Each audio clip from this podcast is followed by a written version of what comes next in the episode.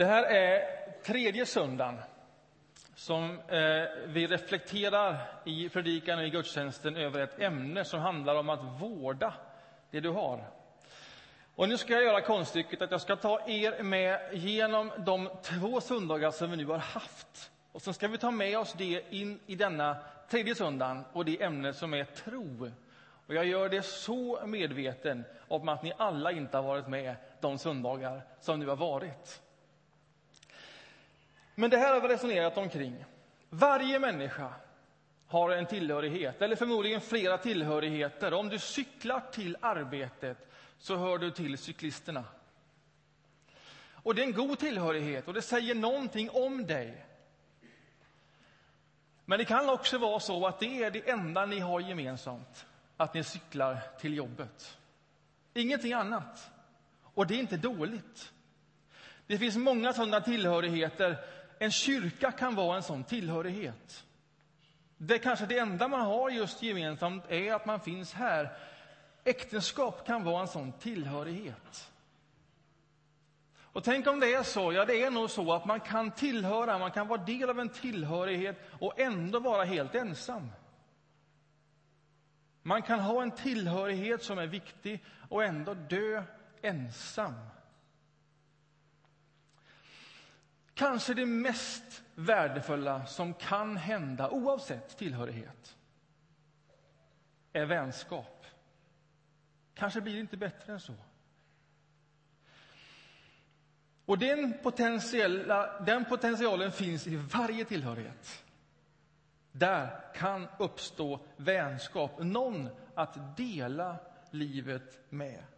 Vad är vänskap? Ja, sa vi, vänskap det är individualitet.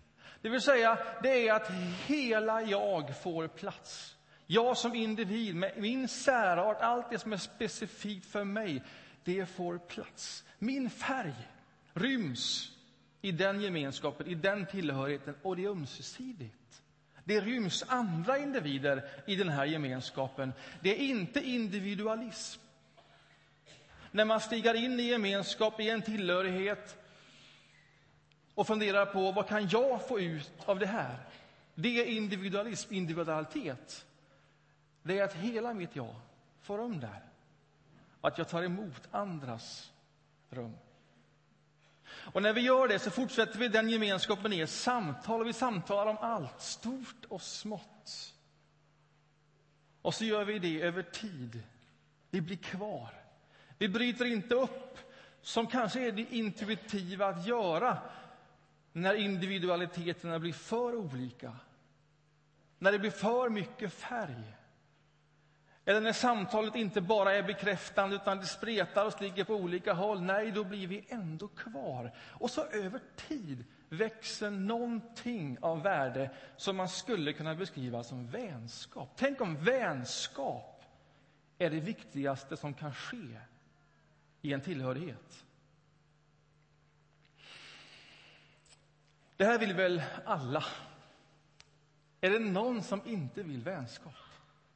Och ändå, tänk att ändå är ensamheten så stor. Vad kan hota det här? Finns det någonting? Skulle vi inte göra allt som står i vår makt för att vinna den vänskapen? Alltså ett perspektiv som vi nämnde handlar om livsträdet. Får jag dra er uppmärksamhet till det här trädet, detta vackra trädet som består av många olika grenar, liksom ett liv består av många olika grenar. Här finns grenen som är ditt arbete, och på ditt arbete fick du mer ansvar, så kom det fler grenar till den och så tog det mycket av plats och energi och kraft. Så var det också med familjen. Det kanske kom ett barn, eller två eller tre. Och så fylls ditt livsträd upp, och så växer det koncentrerat kraftigt under några ganska korta år. Och så växer det vilt. Och sen börjar grenar skugga varann. Och allting får inte samma sorts näring och det lever sitt eget liv. Och det man gör med ett träd, en buske, det är att man beskär det för att låta några grenar får del av mer energi. Man väljer ut. Och kanske är det bland det svåraste man har att göra som människa. Att välja bort, att beskära. Därför att ett liv rymmer inte allt. Så om det är något man vill beskära, om det är något man vill låta vara kvar, om det är något man vill ska få energi och näring och plats och ljus och bära frukt, så är det vänskap. Då är det vänskap. Det här vill jag att vi tar med oss. Ord om vänskap och behov av att beskära sitt livsträd när det handlar om att vårda tro. Om jag har tro på Jesus Kristus, hur vårdar jag den? Hur tar jag hand om den så att den får näring, ljus, utrymme så att den inte skuggas av allt det som ett liv också rymmer. Jag läser en text från Nya testamentet, ifrån Paulus penna ifrån Efesierbrevet. Då har du fått en bibel och du vill följa med, så gör gärna det. Du får sidanvisningen på skärmarna. Det står så här i kapitel 3.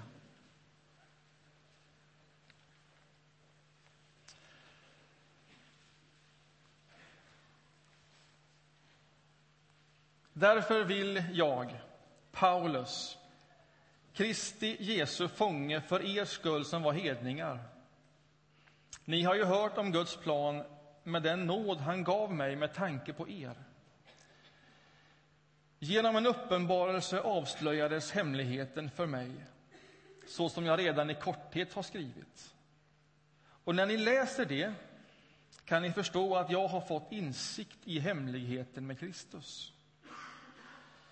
För människorna i tidigare släktled hade inte den avslöjats så som den nu har uppenbarats i anden för hans heliga apostlar och profeter. Tack vare Kristus Jesus är hedningarna genom evangeliet arvingar som vi, tillhör samma kropp som vi och har del i löftet som vi. Och evangeliets tjänare har jag blivit genom den nådegåva som Gud ger mig med sin kraft och styrka. Jag, den allra obetydligaste av alla heliga, har fått denna nåd att ge hedningarna budskapet om denna den outgrundliga rikedom som finns i Kristus och att upplysa alla om planen med den hemlighet som från världens början varit dold hos Gud, som har skapat allt. Nu skulle härskarna och makterna i himlarymderna genom kyrkan få kunskap om Guds vishet i hela dess mångfald. Detta var den avsikt med världen som han förverkligade i och med Kristus Jesus, vår Herre. Genom honom och med den tillförsikt vi hämtar ur tron på honom kan vi frimodigt nalkas Gud. Alltså ber jag er att inte tappa modet när jag lider för er skull. Mitt lidande är er härlighet. Många ord, stora ord. Får jag koncentrera dem ytterligare? Fångar ni upp? Detta var Guds avsikt med världen. Det blir inte mycket större ord än så. Vad är det då som står om Guds avsikt med världen? Ja, någonting fanns det som från början fanns där och sen var dold, inte uppenbar, inte synlig för alla. Men den fanns från början, denna avsikt. Och sen hade Paulus fått upp ögonen, han och andra, för denna avsikt. Och vad var det då? Jo, det här det var att hedningarna ska få del av löftet. Hedningarna, vad är det? Ja, det är alla människor, det är vi. Det är vi som inte hörde till det judiska folket. Alla, alla människor skulle få ta del av detta löfte. Detta var avsikten. Detta var hemligheten som han nu fått upp ögonen för. Vad är det för löfte? Ja, det finns ett uttryck om man läser Gamla testamentens berättelser som återkommer ofta. Det uttrycket det är väldigt enkelt. Och det är så här. Jag är eran Gud och ni är mitt folk. Jag är din Gud och du är min.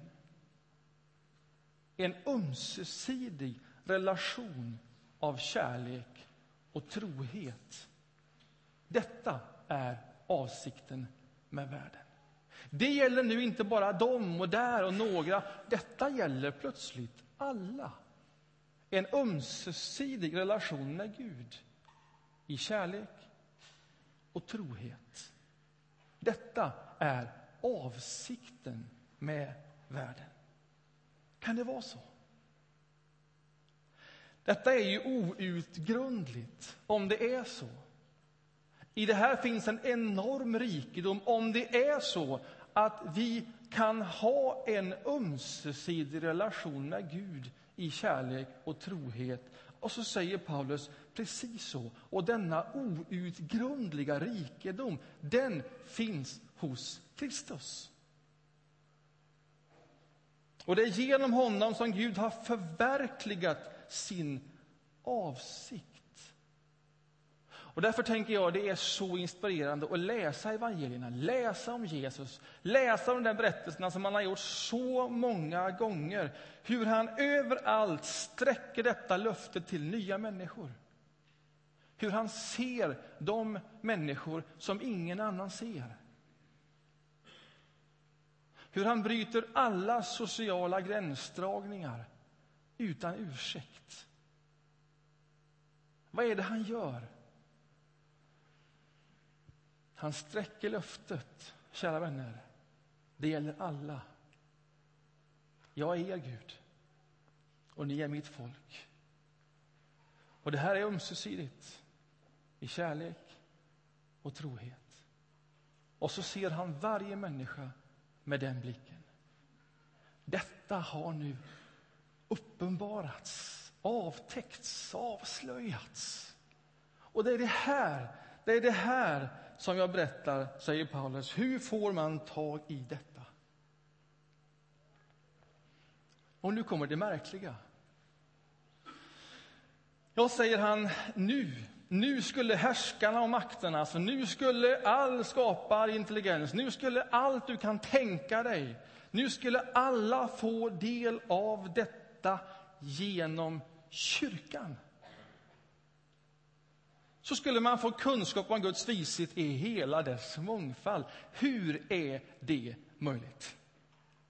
Alltså, i en sån här sorts gemenskap, i all sin brokighet och brist så har Guds avsikt med världen lagts. Är det möjligt? Är det möjligt? Ja, men jag tror det är fullt möjligt. Vi säger ju så här att genom dop och tro då förenas vi med kyrkan. Det är ju vår lära, det är ju så vi säger. Och så får vi en tillhörighet. Vi hör till kyrkan och till varandra. Men får jag koppla på det vi har sagt tidigare? I tillhörigheten finns en enorm potential. Nöj dig inte med tillhörighet. Den är bra. Det är en god identitet. Den säger någonting viktigt om ditt liv. Men nöj dig inte med tillhörighet. Det bästa som kan ske i en tillhörighet, det är vänskap. Det bästa som kan ske i en tillhörighet, det är vänskap. Det är individualitet. Att du får, med hela din person, färga, ta plats och ta emot ömsesidigt. Att du finns i ett pågående samtal om stort och smått och att vi inte ger upp och bryter upp utan står ut med varandra över tid och att Jesus då finns i denna gemenskap, i denna vänskap. För det är ju det han säger, att det två eller tre är samlade så i mitt namn, där är jag. Där är jag. Tänk om det viktigaste som kan ske i en tillhörighet är just det. Vänskapen oss emellan och med Jesus. Detta är möjligt. Detta är möjligt för alla, säger Paulus. Han lånade en bild av vänskap från den engelska tänkaren C.S. Lewis. Så här är vänskapen, säger han, A, B och C. Vi kan kalla vänskapen för Annika, Berit och Karl. Om Annika plötsligt dör, då förlorar inte bara Berit Annika. Utan Berit förlorar också Karls perspektiv och relation med Annika. Därför att någonting uppstod i gemenskapen mellan Annika och Karl som inte uppstod mellan Berit och Annika. Det fanns någonting som de lockade i och ur och av varann. Det färgade gemenskapen som inte det här gjorde eller det här gjorde. Och så säger C.S. Lewis så här. Hos mina vänner så finns något som endast någon annan av vännerna kan locka fram helt och fullt på egen hand. Är jag inte stor nog att få hela människan att blomma? Det behövs andra ljus än mitt eget för att få syn på vännens alla sidor. Och istället för att, om Annika dör, istället för att då Berit får mer av Karl för sig själv så får hon i själva verket mindre. Hon får Karl, men hon saknar As bild av Karl. Någonting som bara hände mellan dem. Så fungerar vänskapen. Och därför är vänskapen den minst själviska kärleken. Den bjuder alltid in någon till. Och så säger jag, det här gäller också vänskapen med Jesus, det vi kallar för kyrkan. Alltså vi vännerna som möts med han i centrum. Det är en viktig tillhörighet. Det finns en potential i det. Men nöj dig inte med det, utan vinn vänskapen i tillhörigheten. Jag mötte en människa här som hade funnits med i ett gudstjänst och så sa personen till mig, nu vill jag bli medlem här. Det är så vi uttrycker det. Ja, vad roligt, säger jag. Och så sa han, ja, jag tror på Gud. Ja, det är bra, säger jag. Det är bara ett problem. Jag får inte ihop det med Jesus. Ja, sa jag, det kan bli ett problem. Vi har inte många regler i den här kyrkan, men det är en av de få sakerna som man behöver förhålla sig till för ett medlemskap. Och så säger han, ja, jag förstår det. Det har jag förstått. Jag har gått hit här nu ett tag och på någon kurs och sådär. Men jag tänker så här, att jag vill få fatt i det. Jag vill få ta i hemligheten. Så om jag kunde ta ett kliv in som medlem, liksom ta det och vara här på samma villkor som alla andra och få se allting inifrån. Om jag inte får tag på det där, då får jag aldrig tag på det. Är inte det väldigt klokt? Är inte det väldigt klokt? Man stiger in i det. Det behöver ju inte betyda medlemskap, men själva ansatsen, steget och där, mitt i vänskapen där Jesus också är. Där får du andra nyanser som du aldrig får själv. Och du blir inte ensam. Så hur ska man få till det här? Jag påminner igen om behovet av att beskära sitt livsträd. Allting ryms inte i ett liv. Allt är inte lika viktigt. Så vad behöver du beskära för att just den här grenen, den om vänskap, den om vänskap och Jesus Kristus, den som handlar om tro. Vad behöver du beskära för att det ska rymmas i ditt liv och inte skuggas av allting annat? Den grenen som heter kyrkan. Ja, för det var ju genom kyrkan som denna avsikt med världen blev möjlig att ta till sig, få del av och inte bara en abstraktion att intellektuellt förhålla sig till. Hur ser det ut? Som vi brukar säga här, fira gudstjänst regelbundet. Ryms det på ditt livsträd? Att återkommande regelbundet få komma in i en gudstjänst där vi talar om olika saker och vad vi än talar och sjunger om så möts vi i bordet i den mest koncentrerade undervisningen och budskapet om Jesus Kristus. Han som har dött och uppstått och som finns här och nu och för dig. Det sker varje söndag, varje vecka. Tillbaks till avsikten. Tillbaks till avsikten. Och utöver gudstjänsten, hitta din grupp av vänner som möts och som möts där i tron och övertygelsen på att när ni möts är också Jesus Kristus där. Och det blir ett del av ert samtal. Och där växer, fördjupas och vårdas tron.